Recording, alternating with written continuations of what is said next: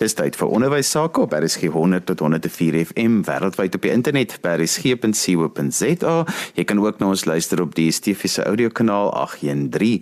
Ons gesels vandag oor mikroleer. Dit is 'n baie interessante onderwerp. My gas vandag is Jaco Olivier en hy bekleed die UNESCO leerskool oor multimodale leer en oop opvoedkundige hulpbronne en is 'n professor in multimodale leer in die fakulteit opvoedkunde aan die Noordwes Universiteit. Hy doen ook die oomblik navorsing oor selfgerigtheid multimodale en e-leer asook taalonderrig binne die navorsingseenheid vir selfgerigte leer by dieselfde instansie. Jaco, kom ons gesels 'n bietjie oor mikroleer en hoe dit inpas by selfgerigte leer, maar sê eers vir my wat presies is mikroleer? Hallo, ja, die gedagte van 'n uh, mikroleer of van leer in kleiner deeltjies is glad nie nuut nie. Die bekende akademikus John Dewey het mekaar is gerede al gesê leer met hulp van kleiner eenhede is 'n goeie ding om te doen. Maar so wat die afgelope 15 jaar is daar nou heelwat navorsing wat hieroor gedoen word en veral die die leer met behulp van tegnologie het dan mikroleer nog makliker gemaak. Dit is basies leer in kleiner eenhede, kleiner snippertjies. En Badru Khan wat nou onlangs die konsep weer baie populêr gemaak het, noem dit dan snippets of snippertjies of brokkies as ek dit kan vertaal en hy onderskei tussen inligtingbrokkies en leerbrokkies. Eerste een lig jou net in en die, die tweede een is natuurlik daar om jou iets te leer. Ek was jy's betrokke by 'n boek wat hy en kollegas uit Oostenryk oor mikroleer skryf en dit is asof hierdie konsep nou weer in die mode kom. Ek moet erken nie alle vaardighede of inhoud kan op hierdie wyse hanteer word en daar is sekere kontekste meer diepte nodig is. Maar as ons ons leerders meer selfgerig wil maak, is die gebruik van mikroleerbrokkies noodsaaklik. Mikroleer is natuurlik uh, vir ons soort leerders in ons skole en universiteit van belang. In Corey Similar en Megan Grace se boek oor die generasie Z lei hulle juis uit hoe hierdie generasie se voorkeur vir kommunikasie kort is en hoe hulle vinnig by 'n antwoord wil uitkom. Ek is self nie 'n voorstander vir etikette soos generasie Z wat 'n groep mense oor algemeen nie, maar daar is waarheid hierin vir diegene wat tans op skool en universiteit is. Verder moet ons ook besef dat ons nou volgens die media met die generasie C, oftewel die post-COVID-19 generasie te doen het, wat juis toenemend aanlyn leer. Juis hulle moet meer selfgerig wees en toegang tot geskikte mikrobrokkies hê. Ja, kos gaan nou net vir die luisteraars 'n voorbeeld gee want ek dink dit gaan vir hulle dit dan binne 'n konteks plaas, maar dit is nogal belangrik dat ons eers mikroleer binne die konteks van selfgerigte leer moet plaas. As dit doen dit gou vir ons. Ja, as ons aanneem dat selfgerigte leer soos wat Malcolm Noums dit beskryf, 'n proses is waardeur individue self besluit om met of sonder die hulp van ander te kies wat hulle wil leer, hoe dit gaan doen gaan word, wie en wat nodig is en te kan evalueer of dit gewerk het. Is dit veral vir my die wat nodig is of in sy woorde die materiële hulpbronne verleer wat belangrik is by mikroleer. Want 'n leerder kan slegs sy of haar eie leerroete bepaal as hy kan kies tussen sinvolle kleiner inhoudseenhede en dan die nodige skakels in Steven Downs se taal tussen die inhoud te kan skep. Navorsing uit Skotland het reeds bewys hoe hierdie mikroleer deur opvoedkundige selfinspeletjies selfgerigtheid kan ondersteun. So die die skakel is definitief daar tussen mikroleer en selfgerigte leer. Ja, ek gee vir ons 'n lekker praktiese voorbeeld wat ons luisteraars dit half kan ervaar van wat is mikroleer en uh, hoe weet hoe dit werk want dit gee dan altyd vir mense beter konteks om om oor te dink. Deesdae as ek wil weet hoe om 'n piesangbrood te bak, hoe om 'n uh, kar se wieldop te verander of enigiets wil doen, gaan ek dit nie naslaan nie. Ek gaan eerder gou 'n YouTube video kyk. Dis is 'n goeie voorbeeld van mikroleer mikrovideo's. Daar is in die konteks van hierdie paniekpedagogiek, oftewel die epidemie akademie, 'n poging om te oorkompenseer. En weer net is nou op skool en universiteitsvlak volle lesse net so aanlyn agter glas te plaas. Maar dit is nie gepas vir die medium of die behoeftes van ons leerders nie. 'n Ware mikrovideo natuurlik is eintlik tussen 5 en 10 sekondes lank. Maar daar is ook effens langer video's wat dieselfde doel kan dien. Die duur van die video nou maak natuurlik baie saak. Die navorsers Groekom en Rubin het 'n statistiek van amper 7 miljoen video sessies wat op oop aanlyn kursusplatforms gekyk is, 'n paar bevindinge gemaak en hulle sê video's wat korter is as 6 minute word altyd deurgekyk. Maar sodra dit tot 12 minute is, kyk net so die helfte van die kursusdeelnemers dit heeltemal deur en as dit by 40 minute kom net 20%. Dis is die betrokkenheid van die kyker van die video nie nie wat jy wil wees as die video te lank is nie. Die meeste bronne stel egter voor dat 'n leervideo so tussen 5 en 10 minute moet wees. Maar korter en oop is altyd beter. Dit is die gesprek rondom mikroleer ook verweef met die konsep van oop onderwys. Ja, want Jaco, dit bring my juist by my volgende vraag. Ek wil baie graag weet hoe skakel dit met oop onderwys, maar verduidelik gou eers vir ons luisteraars wat is oop onderwys? Nou die kern van oop onderwys is oop opvoedkundige hulpbronne. En dit is materiaal vir onderrig, leer en navorsing in enige medium, kan digitaal wees of andersins, wat in die openbare domein baie belangrik dat dit oop en openbare domein beskikbaar is en onder 'n oop lisensie vrygestel is en waarin gratis toegang, gebruikwysiging en herverspreiding toelaat. Nou daardie oop lisensies is nou juis vir ons van belang want die hele kwessie van kopiereg is nogal belangrik in die in die onderrig konteks waar mens maklik sommer 'n afdruk kan maak vir 'n ding en uitdeel, kan dit 'n probleem wees dat jy uh, kopiereg materiaal dan uh, weet onwettig versprei. Maar hierdie weier beskikbaarstelling van leerhulpbronne is juist dit wat eh, UNESCO en hulle doelwitte vir volhoubare ontwikkeling rondom onderwys voorstaan om dit geleenthede tot kwaliteit onderrig oper te maak. Oop onderwys het dan dus te doen met die gebruik en die skep van hierdie hulpbronne in 'n leerkonteks. So waar oop opvoedkundige hulpbronne die hulpbron is, is oop onderwys in Engels praat van open pedagogy die gebruik daarvan en die onderrig situasie daar rondom. Hierdie oop benadering tot leer vereis dat hulpbronne behou mag word dit is nou hierdie David Wiley se uh, 5R. Hy praat van dat jy kan retain, jy kan dit mag behou. Dis mag jy kopieë maak van die inhoud. Dit kan hergebruik kan word, dit kan gewysig word, vermeng word om dit iets nuuts te maak of herverdeel word sodat jy dit weer kan versprei. In hierdie konteks is veral die Creative Commons lisensieraamwerk baie belangrik. Enige onderwyser, enige individu wat hulpbronne aanlyn beskikbaar stel, moet weet van die Creative Commons lisensieraamwerk en dit is heeltemal versoenbaar met Suid-Afrika se kopieregwetgewing. En dit dui dan presies aan as ek 'n YouTube video op internet laai of 'n uh, 'n vraestelle of handboekmateriaal wat jy self skryf, wat mag iemand daarmee doen? Kan hulle dit net so gebruik? Mag hulle dit wysig ensovoorts? Ja, ek wil dit nou 'n bietjie prakties maak vir onderwysers. So dit beteken sê net maar ek maak 'n 'n kort video by die huis en ek stuur dit vir my leerders. Dan in plaas daarvan om hulle te sê kyk dit net, dan gee ek basies vir hulle 'n opdrag om te sê julle moet hierdie video vat en julle moet dit vir my oormeng met jou eie dinge tussenin. Julle moet vir my iets bysit, maar hulle moet dit nog steeds baie kort hou sodat hulle dit binne die mikroleer omgewing kan funksioneer. Is ek op die regte pad met my denke? Ja, ek dink dit is 'n sinvolle benadering, maar ek dink ons moet ook kyk na die leerders en studente as um, skeppers van inhoud hulle self. So ja, jou uh, mikrovideo wat jy skep kan 'n wegspringplek wees, maar ons moenie vergeet dat hulle baie keer met vaardighede veral en kennis sit wat mense kan op voortbou. Ek dink uh, veral in die uh, die, die weier onderwys konteks dikwels weet die leerders beter hoe om 'n video te maak as die onderwyser. En dit bring my nogal by hierdie konsep van uh, David Wiley wat ek net nou genoem het van die weggooibare uh, assesserings. Hy het, het regtig 'n uh, probleem met baie assesserings wat ons vir studente en leerders gee waar hulle skep 'n videoetjie en die onderwyser kyk dit en merk dit en dis klaar. En hy sê dit is nogal 'n vermors van die leerders se tyd. Ons moet inhoud skep wat dan bietjie verder kan gaan. Laat die leerders 'n video skep wat op YouTube gelaai kan word en wat vir iemand anders iets kan beteken of wat 'n volgende jaar gebruik kan word uh, vir vir 'n ander assessering. So ek ek dink dit is nogal vir my belangrik dat dit nie net gaan oor die, die skep van die video nie, maar wat kan ons daarmee maak?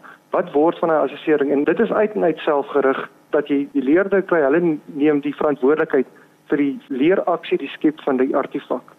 Ja, want dit bly altyd vir my belangrik. Die kinders het ongelooflik baie inhoud nou ook die afgelope tyd geskep en dan laai hulle dit ook op YouTube.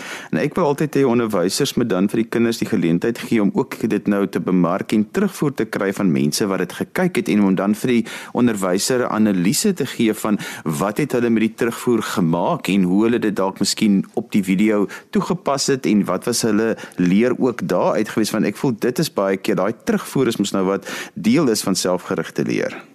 Ja, natuurlik. En kyk, uh, op 'n YouTube konteks het jy in elk geval as jy dit ooplys terugvoer van enigiemand af, maar uh jy weet mens kan dit meer geslote hou in 'n klassituasie en uh, daar het 'n kollega van my, professor Christopher van Westhuys, 'n wonderlike werk al gedoen met Video Ant wat 'n aanlyn platform is waarmee jy video's soos YouTube video's kan annoteer. En daar's daar's ander uh, sagte ware ook, maar Video Ant is, is regtig is oop en is redelik eenvoudig te gebruik. En dit is 'n manier hoe mens kan doen wat jy nou noem waar die onderwyser of en ek dink ideaal sal dit beter wees die eweknie kan kyk na die video en kan kommentaar lewer en, en ek stem saam terugvoer is, is uh, noodsaaklik in die, in die hele proses.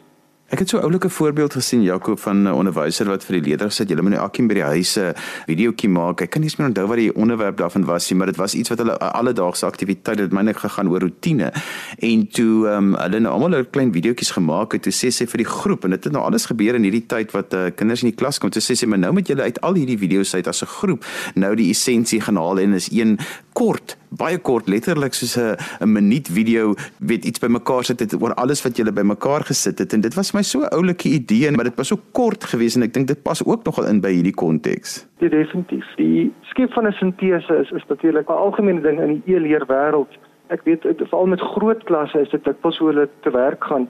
Ek het eendag 'n aanbieding van 'n Duitse universiteit bygewoon waar hulle 'n uh, ontsaglike groot klasse gehad het en waar hulle uiteindelik uitgekom het by hulle het forums onder andere saam met video's gebruik dat die onderrigassistent of leerassistent opsommings gemaak het van groepe van 10, 15 studente se insette. So dit is nogal 'n sinvolle ding om te doen om 'n sintese te kry en en, en uiteindelik daarvan af verder te werk.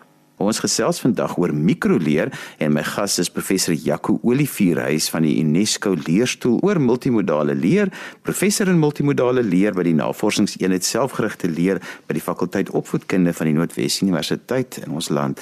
Jaco, kom ons praat oor hoekom is oop onderwys dan so belangrik vir selfgerigte leer? Die skakel tussen mikroleer en oop onderwys is daar, maar daar is ook definitief 'n skakel tussen oop onderwys en selfgerigte leer. As mens gaan kyk na die oorsprong van die term oop onderwys in uh, ek vertaal open pedagogy sonder as oop onderwys. Het Claude Pakket al reeds in 1979 verwys na die pedagogie ouvert en daar het hy drie breë waardes met oop onderwys geïdentifiseer. En dit is ten eerste autonomie en interafhanklikheid, vryheid en verantwoordelikheid asook demokrasie en deelname. Dis die drie. Dis word die leerder sentraal in die leerproses geplaas en dis geskakel met selfgerigtheid duidelik in terme van spesifiek autonomie, interafhanklikheid en dat leerders verantwoordelikheid vir leer moet opneem.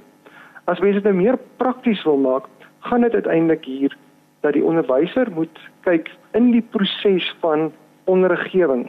Hoe kan die die leerder die kern word. Hoe maak ons dit leerder gesentreerd? Nou die beleid sê ons moet dit doen. Bronne sê ons moet dit doen, maar die navorsing toon aan dat dit nie in klasse gebeur nie. Die, die onderrig is nog baie onderwyser gesentreerd. En dis is hierdie nogal 'n belangrike aspek om in ag te neem en ons onderwys moet oper word in hierdie verband. Ja, kom ons bring dit terug na die implikasies van oop onderwys vir die Suid-Afrikaanse onderwyskonteks. Ja, 'n oop gesprek rondom oop onderwys is nodig en veral leerhulpbronne. Maar as ons kyk die kostes van leerhulpbronne is vir ons nogal problematies. Veral in 'n post-COVID-19 Suid-Afrika moet aanlyn alternatiewe vir dierhandboeke ondersoek word. Verder moet selfgerigte leer die kern wees in hierdie oop onderwys waar leerders ook aktief kennis skep. Sodoende kan wat ek net genoem het die weggooibare assesserings teëgewerk word. My eie navorsing met video's wat deur studente geskep word is pas baie suksesvol en in die hergebruik daarvan is is heelwat moontlik.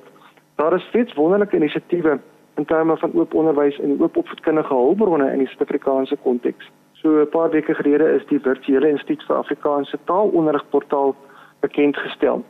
En behalwe vir dit is daar baie onderwysers wat self aanlyn hulpbronne beskikbaar stel op YouTube maar ook op webwerwe waar nog meer is nodig. Meer vakgebiede en spesifiek inhoud in Afrikaans. Dis moedig ek ook onderwysers aan om die magte hulpbronne wat hulle oor die jare heen ontwikkel het te deel en weg te beweeg van hierdie wiel herontwerper mentaliteit. Maar luisteraars kan maar net gaan kyk wat beskikbaar is in oop pakhuise soos die OER Commons, Wikiversity en SlideWiki wat hierdie uh, aanbiedings soos PowerPoint aanbiedings deel en YouTube natuurlik. En dan plaaslik het ons ook OER Africa wat wonderlike werk doen in die Afrika konteks. Wat wel nog kort selfs internasionale oop of kundige hulpbronne is voldoende instruksies in die gebruik van die hulpbronne. Veral om byvoorbeeld selfgerigte leer te ondersteun.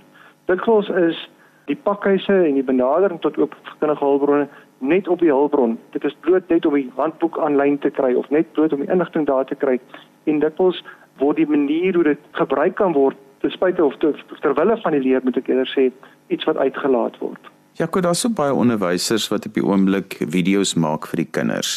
Ek wil weer terugkom na mikroleer. Daardie riglyne vir die kinders? Want ek het so baie van die video's gesien en dan is dit nou maar 'n juffrou se stem wat saam met 'n PowerPoint byvoorbeeld of met 'n klompie skyfies gaan. Dit gaan aan vir 30 minute. Dis met die beste bedoelings ter wêreld gemaak en dan is daar 'n opdrag wat die kinders moet doen. Watter beginsels van mikroleer sal so iemand byvoorbeeld kan toepas? Ja, dit is nogal problematies as mense probeer om die gesig tot gesig klas direk oor te plaas in 'n in 'n video en uh, korter video's natuurlik is die is die uh, kernaspek wat ek wat van die begin af genoem het, maar daar is meer. As mens kyk na die video as as genre, moet ons nie die multimodale aard van die soort medium ignoreer nie. Dus jy kan nie net teks en 'n stem bysit veral as jy nou kyk na laerskool en, en so aan die waar is die grafiese inhoud? Dit is juist wat die medium vir ons beter maak as wat jy byvoorbeeld met 'n boek sal. Waar is die animasie? Waar jy kry aanlyn hulpbronne soos Powtoon waarmee animasie gratis kan maak. So mens hoef nie te kan teken om dit te kan byvoeg nie. Verder moet mens ook versigtig wees om oor te leen na te veel mediums. Hierdie kognitiewe lading probleem wat mens kan hê. 'n Video kan te besig wees ook. 'n Ander aspek wat baie mense ignoreer, veral as hulle die PowerPoint met die agtergrondstem 'n video van maak, is dat navorsing het getoon um, leerders, studente wil iemand sien. Al is dit net vir 'n paar sekondes aan die begin van die video. So daar's basiese goed wat mens in ag kan neem om 'n video meer suksesvol te maak. So Jaco by die universiteit, ek weet julle het tog baie komplekse goed wat julle met studente moet doen en ek weet julle gebruik hierdie modelle. So hoe maak julle dit dat julle die leerders se aandag behou of die studente se aandag behou want ehm um, dis ongelooflik moeilik om iets in so 'n kort tydjie te verduidelik want dit voel altyd vir jou jy het nie by die essensie daarvan uitgekom nie.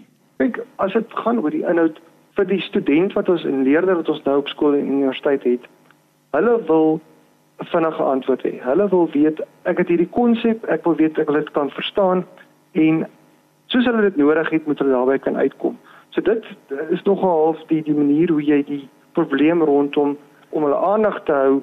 Dit is nie nodig as hulle uit hulle eie uit spesifiek daai inligting nodig het nie. Dis nommer 1, nommer 2. Ek dink met 'n video kan mens wel dit interessant genoeg hou en daar hang dit baie van die vir die dosent af. En ek ek dink dit is die een hoofrede hoekom ons kan sê nee rekenaars gaan nie die onderwys oorneem en, en die dosent of die onderwyser onklaar maak dat hulle nie nodig is nie. Dit is juis daai magiese van die onderrigproses die interessantheid die manier hoe die persoon dit aanbied wat die, die leerder en die student intrek in die situasie.